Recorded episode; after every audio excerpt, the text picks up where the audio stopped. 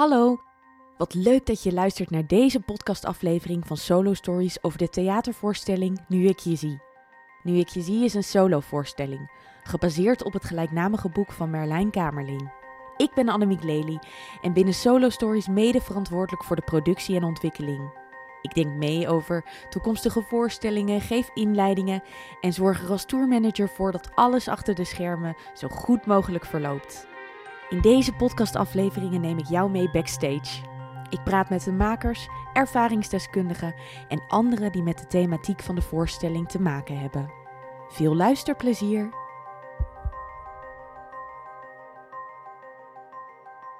Het is zaterdag en afgelopen donderdag hebben wij de allereerste try-out van Nu ik je zie gehad. Uitverkochte zaal in het Zaantheater. En nu, twee dagen later, zitten we in Putten, want we gaan de tweede spelen. Voordat wij het over afgelopen donderdag gaan hebben, wil ik het met Benno en met Zoe over het repetitieproces hebben. Want dat heeft de luisteraar nog niet meegekregen. Zoe, hoe is het gegaan? Oh, sorry Ben. Nee. Wil jij beginnen? Nou ja, ik wil eerst mijn enorme respect voor Soy uitspreken. Ik wist niet of je het hier wel over wilde hebben. Ja, zeker, zeker. Ehm, Nou, ik- laten we gewoon beginnen dat het een heel fijn repetitieproces het was, precies, het was een heel fijn repetitieproces. En toen gingen we, eh, want we hebben altijd vier weken repeteren. Vijf weken repeteren, denk Vijf, ik. ja. Vijf, vijf weken repeteren.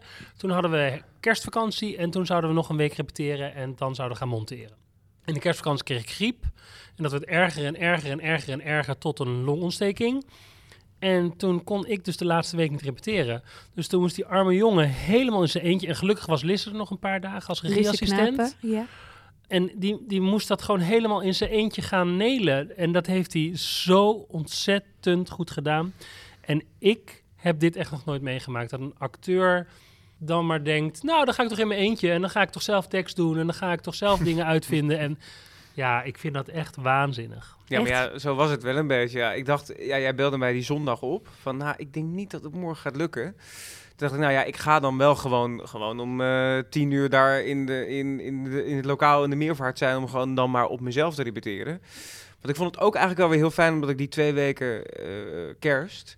heb ik natuurlijk mijn teksten eigenlijk de definitieve tekst. Omdat het Ja. natuurlijk, hè, je, je, je repeteert, dus je verandert dingen... en je past dingen aan en dan denk je van, eh, moet ik dat dan van tevoren leren? Nee, ik heb het eigenlijk in die twee weken ben ik het echt gaan studeren. Weer helemaal opnieuw dingen die ik al wel in mijn hoofd zaten door de, dat we het hebben gedaan in het repetitielokaal. Eh zat eigenlijk alles in en ik vond het eigenlijk in eerste instantie echt vreselijk. Maar daarna dacht ik, het is ook een soort cadeau wat ik heb gekregen. Want ik heb mijn tekstkennis kunnen checken Ja, in een lokaal met decor. En gewoon daar in, in mijn eentje eh, het gewoon gedaan, heel veel. Om gewoon te checken van, oké, nu koppelen van alles wat ik heb geleerd aan het stuk. Ja, want dat was natuurlijk wel zo. Jullie hadden al helemaal het gezet. En je wist waar je ongeveer zou moeten staan, waar je bepaalde handelingen moest gaan doen. Dus ik had ook het idee dat jij dat wel heel fijn vond om het juist in het decor te checken.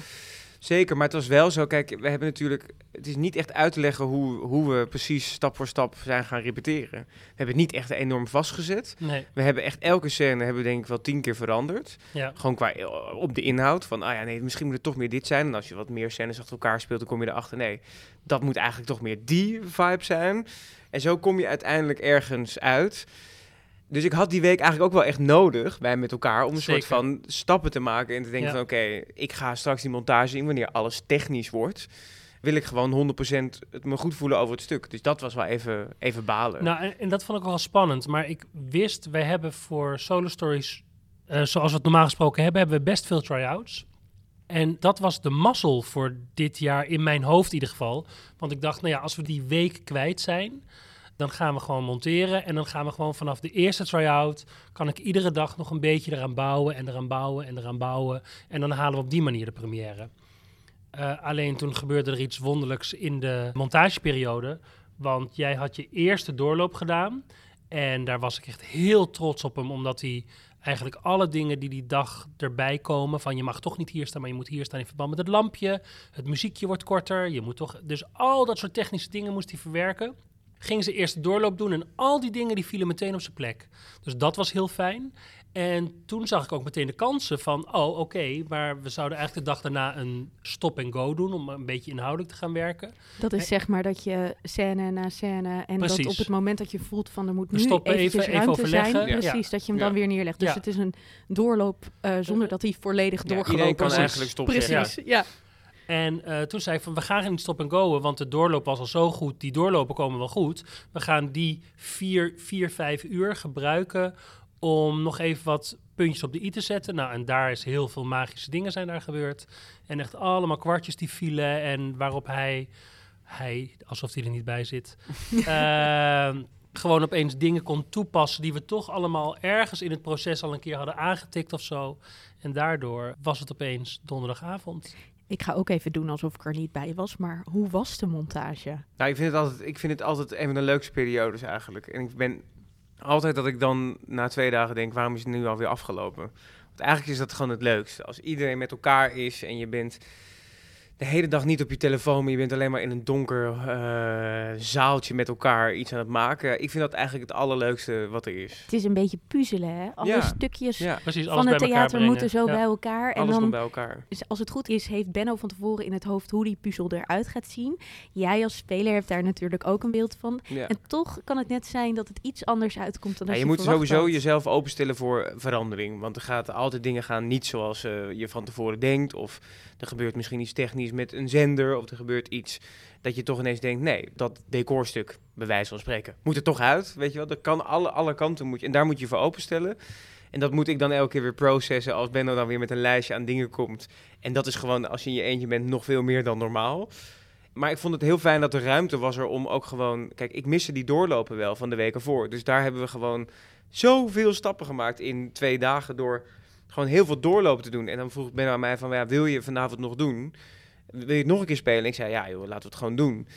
En daar ben ik ook heel blij mee dat we die ruimte hebben genomen en dat die ruimte er was om dat gewoon te doen. En dat iedereen ook dacht, oké, we blijven gewoon even wat langer in het theater, want ja, we, we zien allemaal dat het nu de goede kant op gaat. Dat vind ik eigenlijk altijd de meest wonderlijke, maar de meest leuke periode van eh, Ik ook, een hoor. repetitie. Ik eh. ook. Je voelt dan echt het teamwork. Dat Ja, is je waar voelt al gaat. die dingen, inderdaad, al die puzzelstukjes zoals jij dat doen bij elkaar komen. En dat is inderdaad ook zoals Soy het zegt. Ergens moet het dus allemaal bij elkaar komen. En iedereen moet in zijn eigen kracht gaan staan. Dus de acteur, ikzelf, de lichtontwerper, de kostuumontwerper. Iedereen die moet zijn eigen dingen hebben georganiseerd. En tegelijkertijd moeten we allemaal bereid zijn om ook te denken... oh, het wordt anders. En dat is zo'n magische periode altijd. Ja. Het vraagt om heel veel flexibiliteit Ja. en tegelijkertijd heel veel concentratie. Ja, Het is een hele intense periode, Ja. maar ook hetgeen dat als het goed gaat, dat je extra ontlading hebt tijdens die eerste try-out. ja. Want daar gaan we natuurlijk nu heen. Wie van jullie wil als eerst reageren? Jij? hoe, hoe was het, Soy? Ja, joh, eh, hoe was het? Nou, ik moet toegeven, ik, ik, ik was eigenlijk vrij relaxed de avond ervoor. Ik moet, toch, ik moet even vertellen tussendoor, ik heb in de montageweek ook nog mijn theorie eh, rijbewijs eh, eh, binnengehaald. Ja. op een ochtend. Doet Dus was, even. Dat was Ja. ook nog even tussendoor. Nee, het was eigenlijk een, een bijzondere avond. Kijk, wat ik altijd spannend vind, is dat er ehm, mensen van, van mij komen kijken. Maar daar, dat vind ik eigenlijk nooit het spannendste. Want ik nodig gewoon een paar mensen uit die ik vertrouw en die dan mij dingen ook kunnen teruggeven. Dus die eigenlijk heel kritisch kijken naar wat ik sta te doen. Dat op fijn bij een eerste try-out is eigenlijk vreselijk, maar ik vind het wel altijd heel fijn. En verder laat ik het altijd een beetje op me afkomen. En ik moet wel toegeven, de eerste vijf minuten dacht ik, stond ik echt een beetje shaky. Omdat ik ineens voelde, oh ja, deze zaal zit nu gewoon vol, uitverkocht, naar mij te kijken. En nu moet ik het gewoon gaan doen. En toen ineens was ik bij de laatste scène. Dus ja, Het is een trip ineens, geweest. nee, maar echt serieus, ik dacht ineens, oh, hè, oh, we zijn nu bijna klaar. dacht ik, jeetje, ik heb het nu gewoon helemaal gedaan. En ik heb er niet van, niks van aangetrokken dat er mensen zaten, dat ik misschien me bekeken voelde of zo. Nee, ik zat er wel echt in en, het, en ik vond het eigenlijk heel fijn om te spelen. En ik voelde ook voor het eerst de ruimte dat ik dacht, oh ja, dit, zo gaat het zijn. En als dat moment geweest is, dan wordt het pas echt leuk eigenlijk. Dat is altijd zo'n belangrijk moment. Soms nog belangrijker dan een première, omdat het echt gewoon voor het eerst is dat je ja, laat zien waar je dan zo hard aan hebt gewerkt met z'n allen. Maar het was een hele bijzondere avond en eh, de reacties waren wel eh, ja, heel bijzonder. De socials ontploften echt na afloop. Ja, het was wel eh, fijn om te, om te lezen allemaal, ja. Wat Echt maakt het voor jou anders om nu een solo te spelen ten opzichte van alles wat je al eerder gedaan hebt? Nou, ik denk vooral dat de spelenergie alleen maar vanuit mij moet komen. Dat is gewoon anders. Normaal heb je met elkaar een soort energie al voor aanvang. En dan denk je, ah ja, we gaan nu lekker spelen met elkaar. En dan ga, je, dan ga je dat doen. En dat is nu wat ik echt uit mezelf moet halen dat merkte ik toen ik backstage klaar stond om op te lopen. Van, de, wow, dit is echt gek. Niemand om een high five Niemand om Ik stond zo, hey, oh, oké. Ehm, en dat had ik ook toen ik dus afliep. Want jullie waren voor, logisch, wel, uh, met de solo story supporters. En voor is uh, in de foyer. Ja, ja. voor is in de foyer. Dus met, en met mensen en gasten en de familie. En ik stond ook achter in mijn eentje. En dat vond ik ook heel gek. Toen dacht ik, oh ja, dit is echt heel eh, anders. Maar verder qua spelen heb ik niet echt een tegenspeler gemist, heel gek genoeg. Wat grappig, dat zou je in eerste instantie verwachten. Ja. Omdat ik ook gewoon dacht, oh lekker, ik heb de tekst in mijn hoofd. Bij elke doorloop is een ander stukje geweest dat ik, waar ik even misschien twee seconden lang over na moest denken, wat komt er nu ook alweer? Maar ik dacht gewoon, ik heb het gewoon in de hand. En dat is lekker. Het klinkt ook echt alsof je er klaar voor was. Dat nou, het, ja, zeker. te ontvangen erbij. Ik merkte wel dat ik, ik, heb, ik heb wel op veilig gespeeld. Als in, ik kan nog andere kanten op. En ik merkte dat ook zelf. Ik vroeg ook aan Benno na de voorstelling meteen van... En, was het goed? Omdat ik gewoon dacht, ja, het is volgens mij gewoon goed. Maar dat is het ook. Het is gewoon goed. En het, en het had nog beter gekund als ik gewoon iets meer gaf. Maar ik was ook gewoon voor het moment daar met een hele volle zaal... en de familie in de zaal waar het verhaal over gaat, dat is dan toch uh, ja, En daar anders. heb je nog, wat zijn het, tien try-outs of zo voor? Dus wat dat betreft uh, Luister, is ja, er tot de première heerlijk. nog lekker tijd Precies. om te spelen. Zeker. En dat is ook wel wat Soy zegt, is ook wel het rare van ons soort voorstellingen. Dat eigenlijk ook dat best wel veel van acteurs, dat als je de, de, um, de angst voor de eenzaamheid aan de voorkant lijkt altijd te gaan over ik sta daar in mijn eentje op het toneel. Ja. En de eenzaamheid blijkt hem heel vaak niet op het toneel te zitten, backstage. maar backstage vlak voor en vlak na Ja. de voorstelling. Ja. Dat je dan coulissen. denkt, oh, nou, eh, dit, dit was het dan. Ja. En dat is dan toch een ander dat ding had wat je moet dus echt. ontdekken. Ja. Ik liep echt af en ik dacht, Ja. ik stond in mijn kleedkamer zo, yes, oké. En, toen keek naar- en toen deed ik mijn trui toen keek ik naar mijn bezweet shirt, dacht ik, oké, nou, even kijken wat eh, heeft NOS allemaal gezegd op, mijn, app, nee. Ja. Ja. En toen waren de socials nog niet ontploft, want iedereen was nog druk met naar de wc gaan en een drankje halen. Nee, en dat is gewoon heel gek. En dat moet je gewoon ontdekken. En daar vind je ook je modus wel weer, eh, weer in. Maar dat is gewoon, dat is echt een hele gekke ontdekking. Ben, hoe heb jij de avond beleefd? Nou, ik was heel tevreden. Eh, het stomme is, ik merk altijd aan mezelf... als ik niet zenuwachtig ben, komt het goed. En ik was totaal niet zenuwachtig. Dus ik, ik was vol vertrouwen. We hadden smiddags een hele goede doorloop gedaan. Dus ik dacht van, ja, er kan gewoon eigenlijk niet echt iets misgaan... behalve dan dat het publiek een energie gaat geven...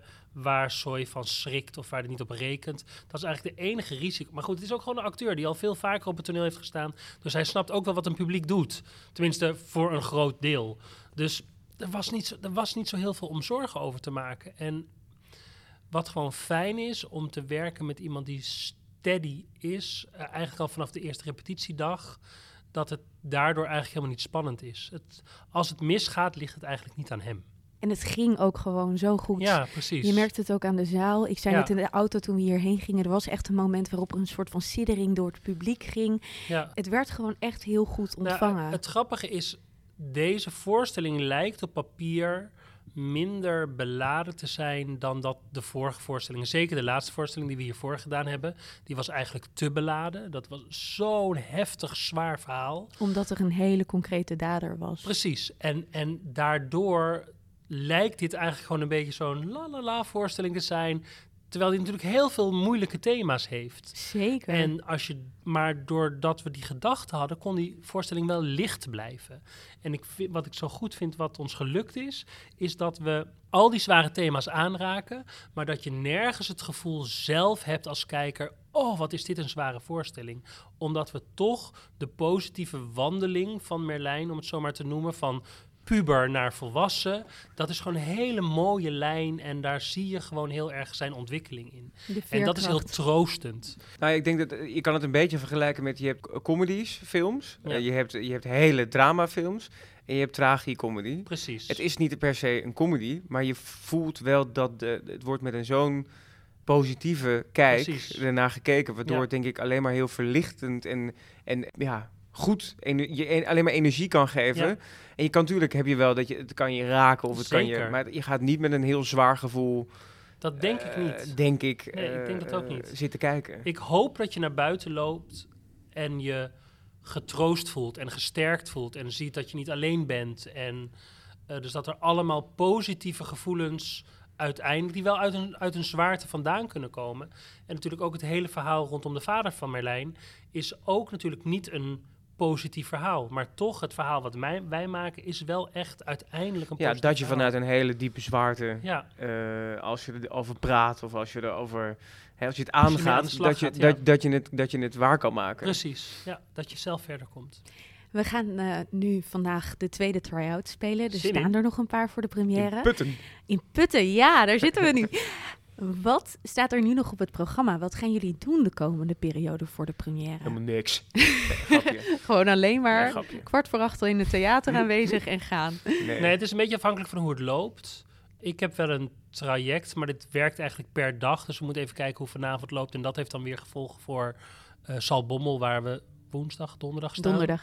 Eh, en zo heeft alles iedere keer weer een eh, vervolgplan. Maar dat gaat wel allemaal over minimale stapjes. Als we morgen de première zouden moeten spelen, dan zou ik daar ook tevreden over Het zijn. is echt het perfectioneren. Ja, eh, ja. Als we, mor- als we ja maar voor mij is het doen, wel een, een belangrijke periode waarin je gewoon ook Zeker. zonder pottenkijkers, als in mensen die het stuk heel goed kennen, Ja. gewoon het, het, de voorstelling kan gaan spelen. Ja. En waarin ik gewoon, dat is niet dat ik ineens een scène heel anders ga spelen, maar je kan wel even de grenzen op gaan zoeken nu. Nou, en dat je denkt van, oh, dat is, dat is toch niet zo mooi, dan doe ik toch weer dat. En wat Benno heel leuk zei, die gaat eh, in de zaal zitten en ook meteen mee met het publiek naar buiten. Als een soort geheim agent. slangetje zo. Met een soort slangetje. Ga, je, ga jij een soort van ook een beetje luisteren naar wat zijn de reacties? En dat, Ja. is, dat is altijd de- belangrijkste, vind ik, of het leukste, omdat je dan gewoon in het land speelt voor de mensen die een kaartje hebben gekocht en Ja, die willen komen gewoon kijken. willen komen kijken. Je mag het gaan voelen. Je mag gaan Ja. beleven wat de mensen in de Ja, zaal gaan ja. beleven. Ik hoor op de achtergrond al van alles. Volgens mij is onze technicus Martijn al druk bezig. En de kerkklokken klingelen. En de kerkklokken king, eh, klingelen. kom maar! Ja, Tinus, even wachten. Kom maar. Ja, kom maar. Ja, oké, rustig. Ja.